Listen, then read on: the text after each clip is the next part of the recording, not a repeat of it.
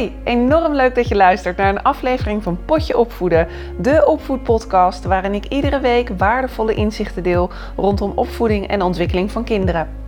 Mijn naam is Joyce Blauwhof. Ik ben gezinspedagoog, trainer en spreker. En ik neem ouders en pedagogisch professionals mee in de zoektocht en de avonturen rondom opvoeden. Dit is jouw wekelijkse inspiratie en steuntje in de rug, de Potje Opvoeden podcast.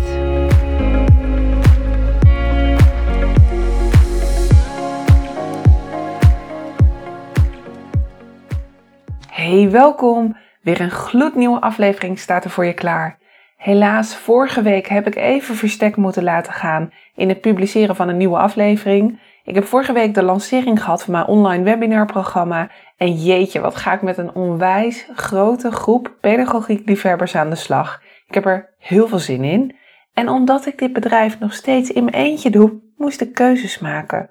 Ik vond dat echt heel erg lastig om er even een week tussen te hebben zitten, maar ik heb het wel gedaan. Want nee zeggen tegen een ander is soms ja zeggen tegen jezelf. En daar ben ik dan eigenlijk ook wel weer heel erg trots op dat ik dat heb gedaan. Ik heb een gesprek met Anneke Groot opgenomen, expert over neurospeciale kinderen. Ze is onder andere auteur van het boek Neurospeciale kinderen begrijpen en begeleiden. En in deze aflevering zoomen we in op hoe de prikkelverwerking bij kinderen verloopt. Ze is tevens ervaringsdeskundige als moeder met een kind met autisme en ik heb deze podcast even opgesplitst in twee delen. Dit is deel 1 over prikkelverwerking en volgende week komt dan deel 2 online, waarbij Anneke praat over haar ervaringen met een kind met autisme.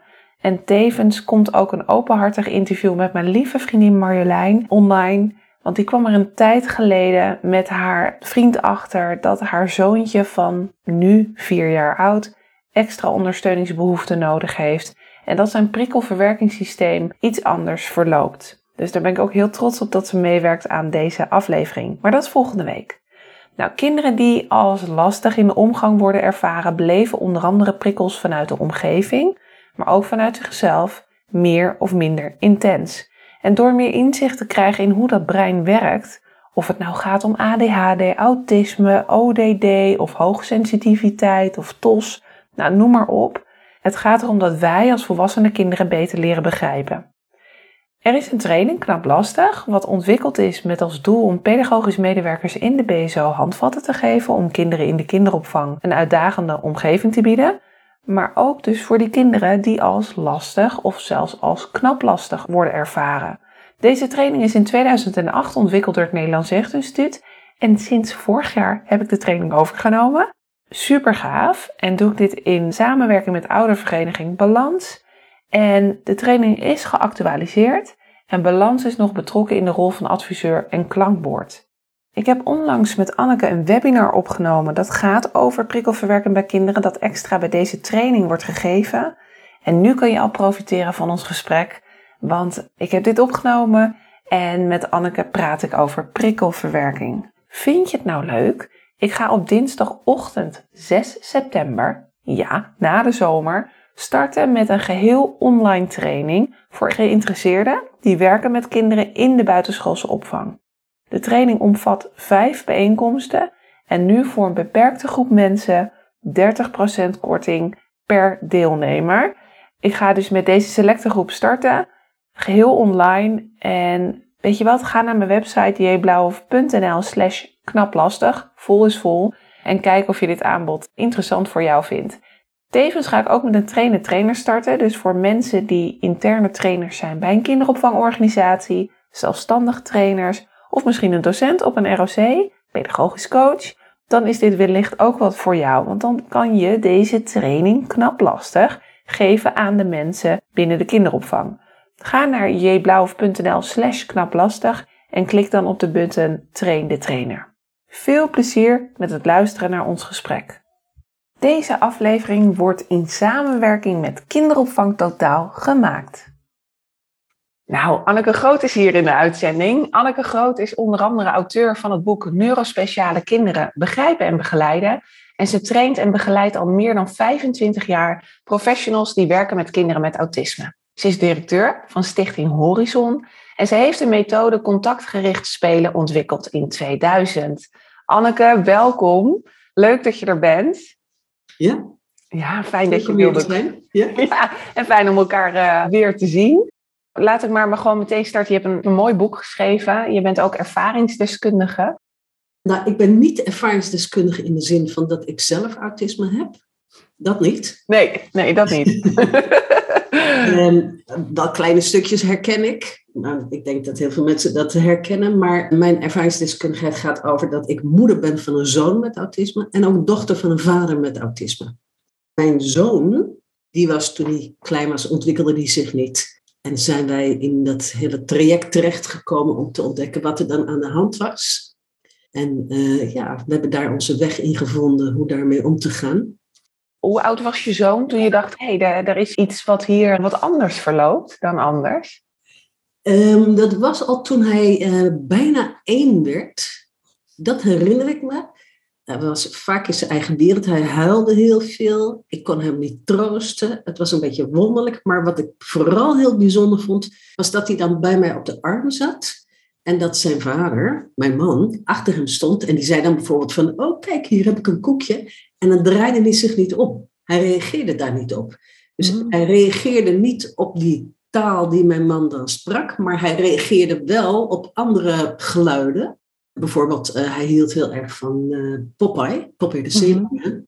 Als hij die Popeye hoorde, en ook als dat heel zacht stond, dan rende hij naar de tv, dat was dan op de tv. Dus het was niet dat hij doof was, dat was het niet, maar hij reageerde toch niet op wat mijn man zei. Dus het was heel, heel wonderlijk. Toen is het begonnen. Dus mhm. voor zijn eerste verjaardag merkten we dat al. Daarvoor merkte ik al dat hij overstrekte. Achteraf weet ik, hij was overprikkeld, maar dat wist ik toen natuurlijk niet.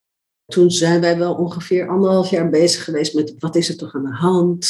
En het gaat allemaal niet goed. En toen hij ongeveer drieënhalf was, kregen wij de officiële diagnose. Maar daarvoor had iemand al gezegd van nou, dit zou wel eens autisme kunnen zijn.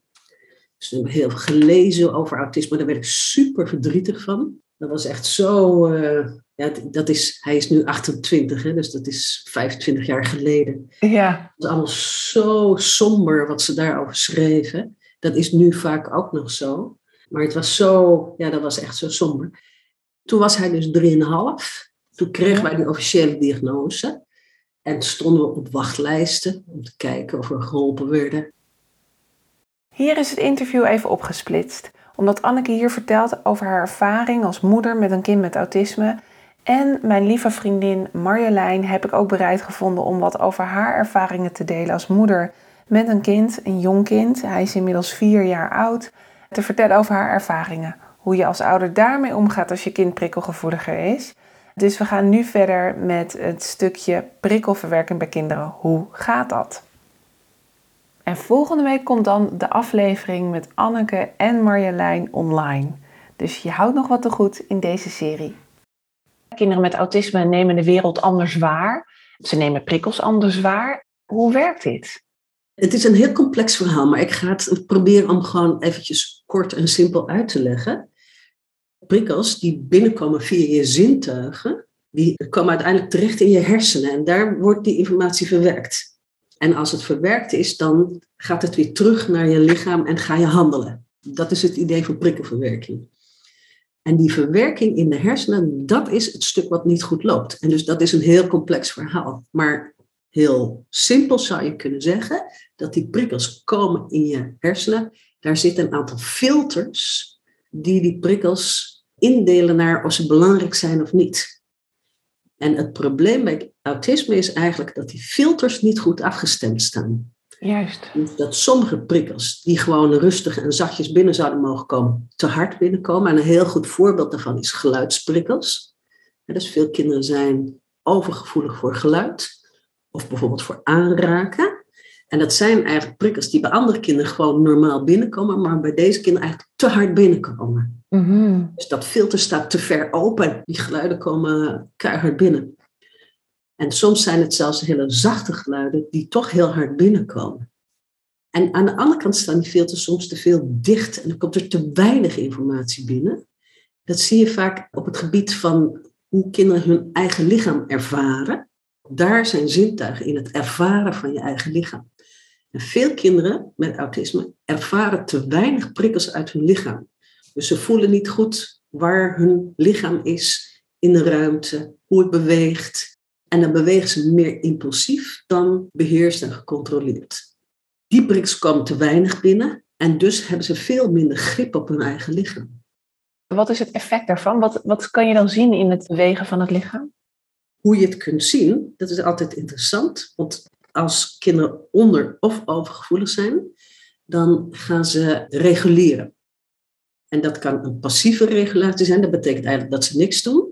Dan wordt het probleem steeds groter. En bij dat lichaam zie je bijvoorbeeld dat kinderen dan passief zijn in hun lichaam. En als jij niks doet, dan blijven ze zitten. Dan blijven ze hangen. Dan komen ze niet in beweging. Je vraagt van ga, ga eventjes je jas aantrekken. Ze komen niet in beweging. Ze blijven zitten. Er gebeurt niks. Nee. Dat is de passieve regulatie. Maar wat veel kinderen doen, en dat is eigenlijk heel goed dat ze dat doen, is dat ze zelf actief reguleren. Dus dat ze een oplossing proberen te zoeken voor het feit dat ze hun lichaam niet voelen. En de oplossing is dat ze gaan bewegen. Ja. Ze gaan heen en weer lopen, ze zitten op een stoeltje te wippen, van alles. En ze Ja. gaan bewegen. En het lastige met dit stuk, hè, dus die actieve regulatie, is dat wat voor hun dus de oplossing is. Want als ze hun lichaam beter voelen, kunnen ze het ook weer gebruiken. Dus wat voor hun dus de oplossing is om te bewegen, is voor ons vaak het probleem. Want wij vinden dat lastig. Wij willen dat ze stilzitten op een stoeltje, dat ze eventjes geen geluid maken. Dat ze, dus we willen dat ze zich aangepast gedragen. Maar dat kan niet als zij zichzelf reguleren. Ja. Heel vaak wordt dat gezien als een gedragsprobleem. Dus dat ze zich niet aanpassen, dat is het gedragsprobleem. Maar het is heel belangrijk je te realiseren dat er een reden is waarom ze dat niet doen.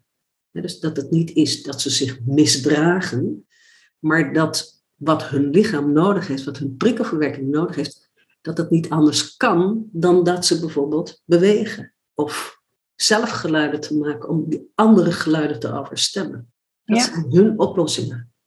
Mooi.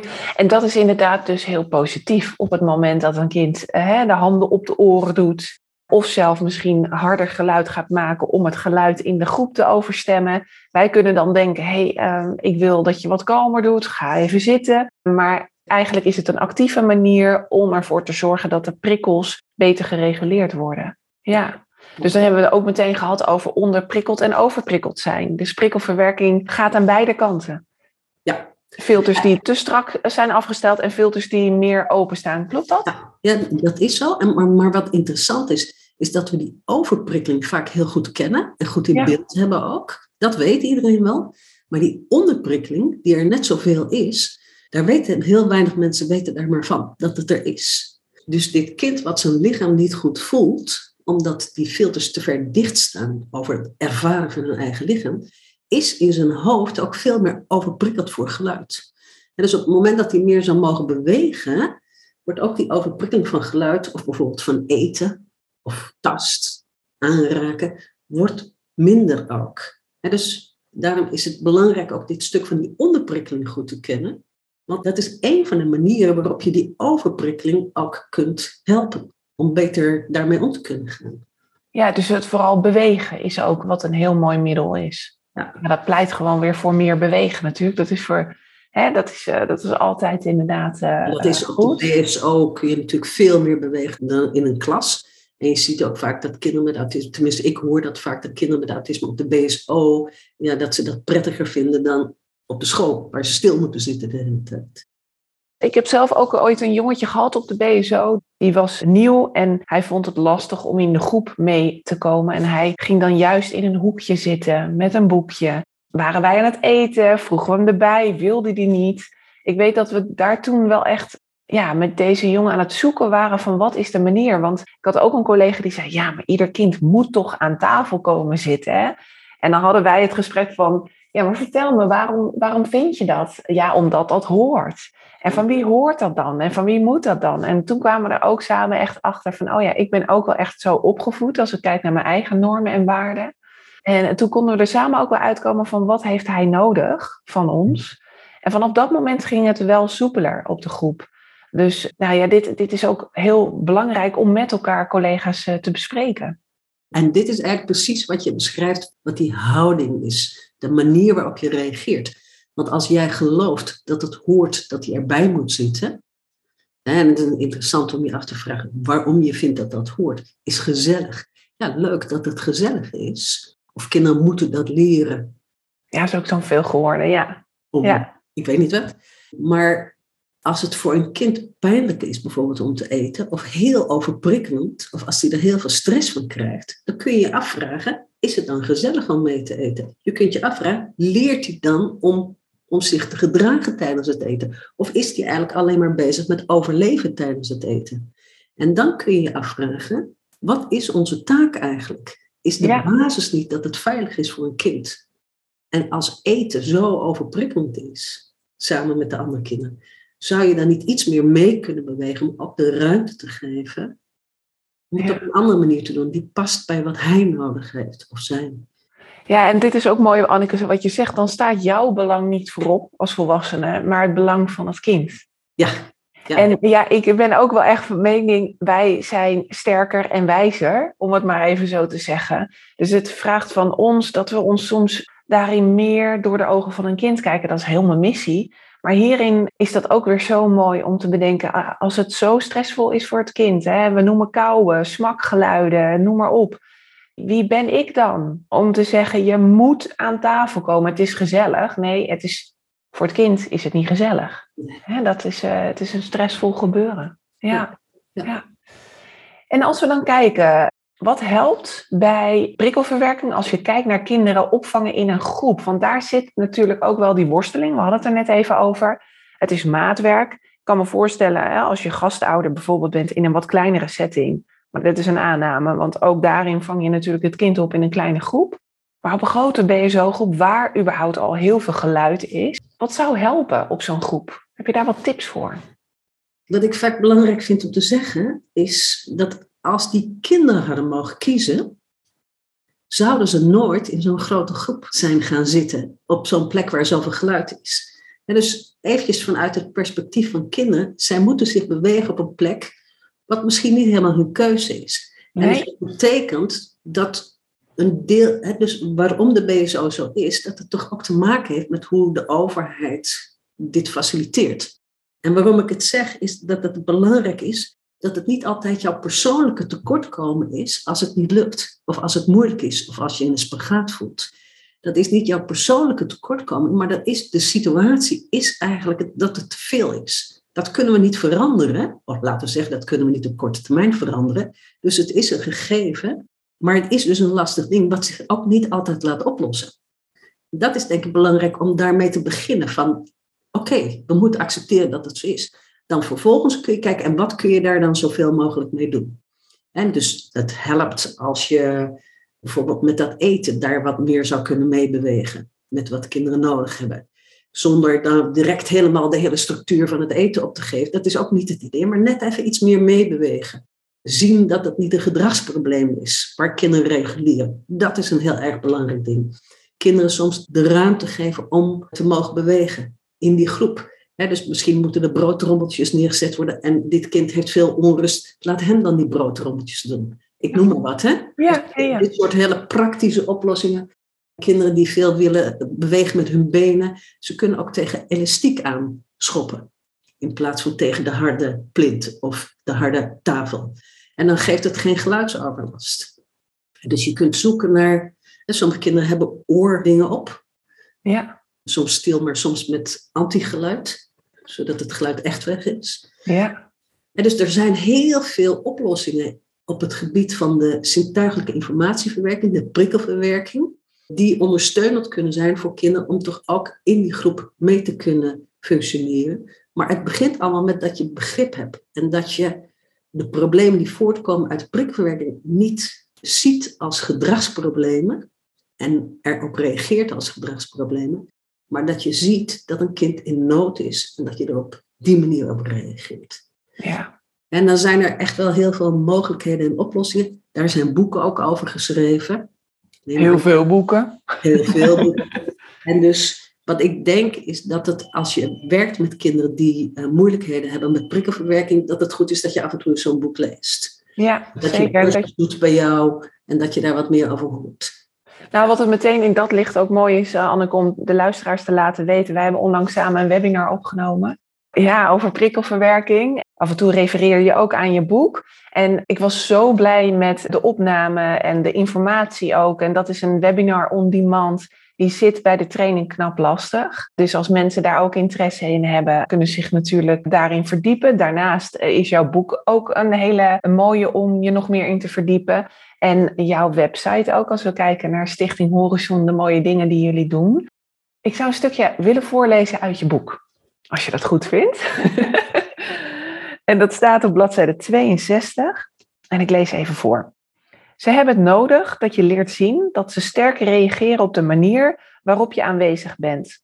Als je accepterend, ontspannen en open bent, bewegen ze dichter naar je toe. Als je je zorgen maakt, oordelend bent en druk uitoefent, bewegen ze zich eerder van je af. Als je vertrouwen in ze hebt, hun mogelijkheden ziet en als je hoopvol bent, werken ze vaker met je mee en laten ze zien wat ze kunnen. Als je angstig bent of hun beperkingen ziet, dan is dat wat je van hen terugkrijgt. Als je van jezelf houdt, kunnen ze dichter bij je komen. Maar ze zijn ook als een spiegel voor je worstelingen. Ze hebben van je nodig dat je echt en open blijft. Blijft zien wat ze nodig hebben en daarvoor kunt staan. Ook als dat buiten je comfortzone is. Nu dat ik dit stukje voorlees, merk ik dat het me raakt. Ik krijg kippenvel. Ik vind dat een heel mooi stukje waarin je beschrijft hoe belangrijk het eigenlijk is dat je als opvoeder, of je nou, hè, dit geldt speciaal voor kinderen die neurospeciaal zijn, om het zo maar te zeggen, maar ook als opvoeder in het algemeen, dat je een soort, ja, dat je een spiegel bent, hè? Ja. En dat je ook zorgt dat je van jezelf houdt. Dat triggerde mij ook. Mooi, hè? Wat is het effect daarvan als wij als volwassenen wat meer van onszelf zouden houden? Wat ik denk is dat kinderen met autisme juist door hun hele andere beleving en door hun hooggevoeligheid, of misschien door hun andere beleving, hun hooggevoeligheid, dat ze heel goed aanvoelen hoe wij er zijn. En niet dat ze nou sociaal zoveel inzicht hebben, maar in de menselijke emotie, daar zijn ze heel puur dus dat pakken ze heel sterk op. Ze begrijpen niet altijd wat ze oppakken, maar ze pakken het heel sterk op. En je moet je voorstellen dat als jij bang bent voor, uh, of je zorgen maakt over een kind, dan is dat wat ze oppakken. dus wat ze dan ervaren is van, oké, het is blijkbaar zo erg met mij, dat de mensen om mij heen zich heel erg zorgen maken. Dat geeft hun nog meer stress. Nou, ze hebben al heel veel stress, dus dit geeft nog meer stress als ze bijvoorbeeld steeds veroordeeld worden, en dat gebeurt onbewust, gebeurt dat heel veel. En dat gebeurt vaak niet uit slechtigheid, wij zijn niet slechte mensen. Juist omdat we het beste voor ze willen. Dan zeggen we van, ja, maar als je nou toch gewoon gaat zitten en je aanpast, dat is makkelijker voor je. Mhm. Maar in feite zit daar een oordeel achter. Het stuk van, maar dat je je niet aanpast, vind ik dus niet oké. Mhm. En dat is iets waar een kind zelf niks aan kan doen. Als hij er wat aan kon doen, dan was het anders. Maar hij kan er niks aan doen, want hij past zich niet aan, omdat zijn lijf dat niet kan, omdat die prikkelverwerking dat niet kan. Dus wat hoort een kind in die puurheid? Hoort hij, je bent niet oké, je mag er niet zijn. Ja. En ook dat geeft heel veel stress. En dan gaan die zintuigen nog slechter werken. Dus het verschil is als jij zegt van, hé, hey, moet je luisteren, je bent helemaal oké, dan kan hij een soort van ontspannen. Dan mag hij zijn wie hij is. Ja.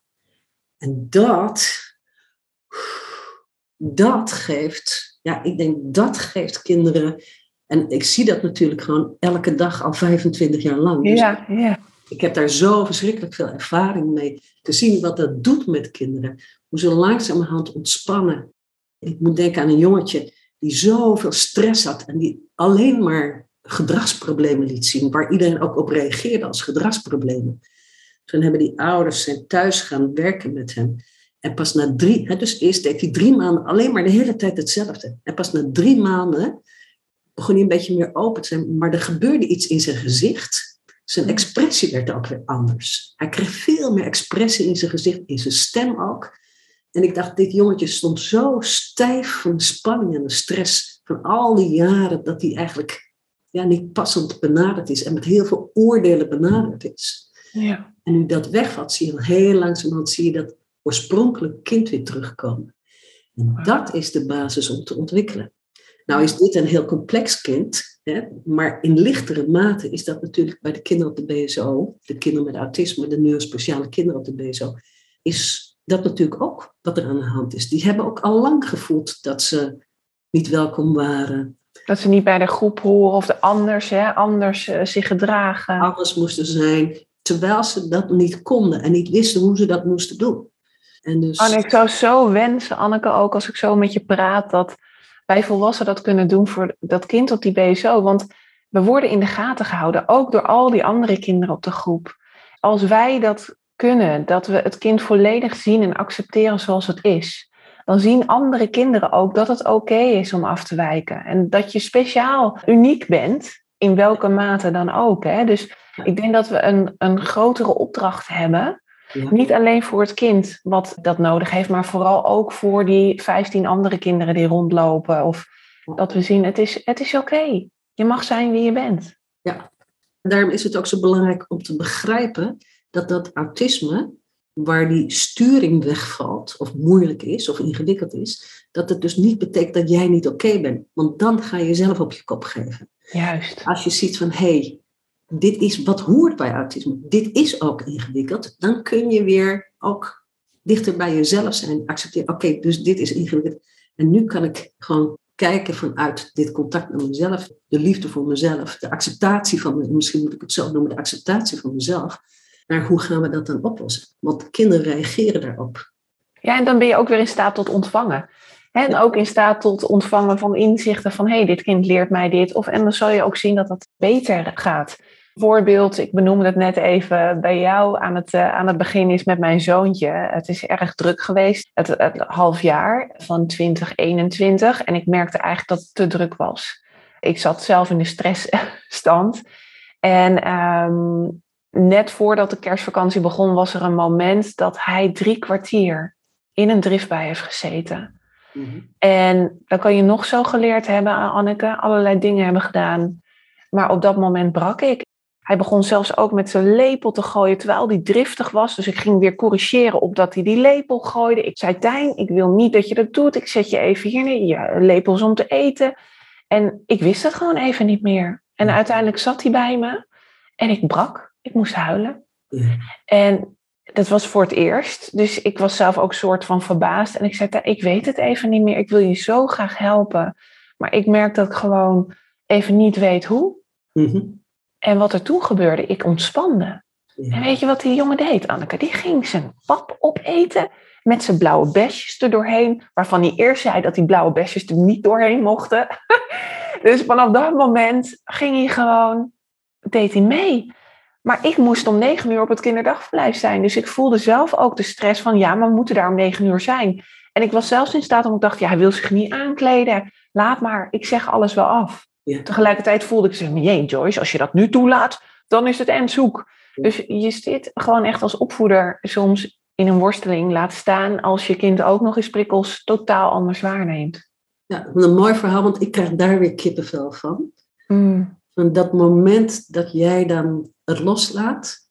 En ergens denk ik soms dat kinderen dit dus heel goed voelen en dat ze ons helpen door precies dit gedrag te laten zien waarvan wij met z'n allen vinden dat het niet mag. Maar misschien was dit nodig ook voor jou om in die ontspanning te komen. Want had je op een andere manier kunnen luisteren naar hem. Nee, en dit is ook mooi, want hij is mijn uh, over goeroes gesproken of zenmeester. Ik uh, ga het ook ietsje rustiger aan doen en daar heb ik ook uh, bewust keuzes in genomen. De vakantie kwam ook. Ik merk nu dat het veel ontspannender gaat, dat hij meer ontspannen is. Maar dat komt omdat ik meer ontspannen ben. Dus dit is ook voor BSO, dat die mate van ontspanning die je zelf hebt, dat maakt zoveel verschil. Ja. ja. En dat baart me ook soms zorgen, Anneke. Want ik merk ook hè, in de kinderopvang, die spanning is hoog. Mensen moeten veel, er is groot personeelstekort. Corona, weet je, het levert ook allemaal stress op bij die pedagogische professional. En ja, dat heeft zijn weerslag op de kinderen. Hoe je het went of dat, moet, dat is zichtbaar op de groep. Dus. En dus soms is het ook, dit is wat wij in de cursussen ook doen, dat met steeds meer diepte leren over hoe je zelf je eigen reacties kunt kiezen ook in dit soort ingewikkelde situaties. Is een ding wat je kunt leren, wat, wat goed is om over na te blijven denken, te lezen, te laten inspireren daarover. In mijn boek schrijf ik daar natuurlijk ook heel veel over. Dat het ook kan in die omstandigheden, maar het vraagt een investering van jezelf. En wat ik mooi vind is, als je dat doet, het levert voor jezelf het meeste op. Ja. je, je, denkt, hè, ik wil het eigenlijk voor dat kind, maar uiteindelijk groei je als mens. Ja. Uh, ja, inderdaad, nog meer. Mooi hoor. Ja. Anneke, ik kom uh, een beetje aan het einde van deze aflevering. Ik zou nog wel heel lang met jou kunnen kletsen.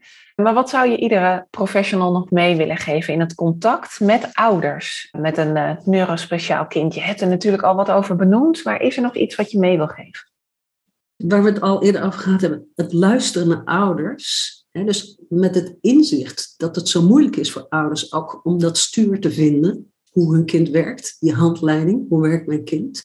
En dat het dus het luisteren naar ouders zonder oordeel, het open kunnen luisteren, dat dat, net zoals dat het bij die kinderen heel veel verschil maakt, maakt het bij die ouders ook heel veel verschil. Want die voelen gewoon in al hun vingertopjes als jij er overheen walst. Of als jij te snel gaat. Of als jij wilt dat ze anders zijn dan dat ze zijn. En dat kan ik zeggen omdat ik zelf ook een ouder ben. Ik heb het ja. gevoel dat onmiddellijk als iemand iets met me wil, wat ik zelf niet wil, of als die wat van mij vindt, ik voel het onmiddellijk. Het is, het is belangrijk, dat stuk. En ik denk ook, ouders hebben ook veel behoefte aan goede informatie. Dat je ook als, ik weet niet, als BSO-medewerker, ja, als je iets zou kunnen leren over dit stuk met prikkelverwerking, dat het belangrijke informatie voor ouders ook kan zijn. Ja. dan vanuit die gelijkwaardigheid dat je hun dat kan vertellen. Of dat zij jou kunnen vertellen. Ik maak ook vaak mee dat ouders veel goede dingen vertellen over wat er thuis gebeurt. En thuis ziet het er soms heel anders uit dan op de BSO of op de school. En dat is niet omdat ouders liegen, want dat denken veel mensen, maar omdat die stress anders is thuis en op school. Daarom is het ook echt belangrijk om te luisteren naar ouders, wat die vertellen over situaties. Het is daadwerkelijk ook soms anders, inderdaad. Want dan hoor ik ook pedagogische professionals zeggen: ja, maar ouder of vader herkent het niet. Die zegt dat het thuis heel anders is. En daarin hoor je het oordeel al van: nou, dat zal wel niet zo zijn. Maar dan benoem ik ook altijd: maar het kan ook echt anders zijn. Het is een hele andere dynamiek, een hele andere omgeving. De interactie is anders, noem maar op. Dus uh, dat is inderdaad een mooie. Blijf uit de oordelen. En daar kan je jezelf dus ook in trainen. Dus dat is ook, uh, hè, want dat vergt wel training inderdaad. Ja. Anneke, ik wil je ontzettend bedanken voor dit mooie, fijne gesprek. En ik wens je ontzettend veel succes met alles uh, voor de stichting Horizon. En uh, ik zal sowieso in deze podcastbeschrijving even een aantal links delen. Dus voor de mensen die nu luisteren, weet dat ik een aantal links in de beschrijving zet, zodat je door kan klikken ook naar de website van Anneke van Stichting Horizon.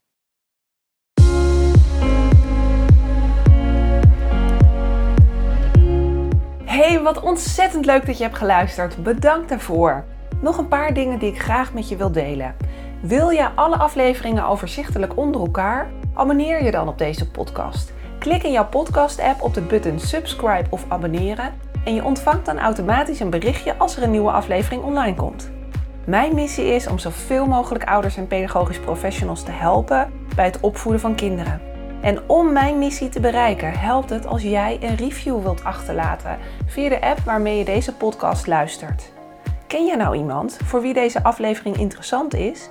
Dan zou het fijn zijn als je hem of haar deze aflevering doorstuurt, door bijvoorbeeld de link te kopiëren in Spotify. Ik zou het ook gaaf vinden als je een screenshot deelt als je deze podcast luistert en deelt via social media vind het altijd leuk om een berichtje van je te ontvangen. Om te horen wat je van deze podcast vindt en of je misschien zelf vragen of suggesties hebt. Stuur mij een berichtje via mijn website jblauwhof.nl. Dat is kleurblauw en hof met dubbel F. jblauwhof.nl of via mijn Instagram pagina Joyce Blauwhof. Tot de volgende aflevering.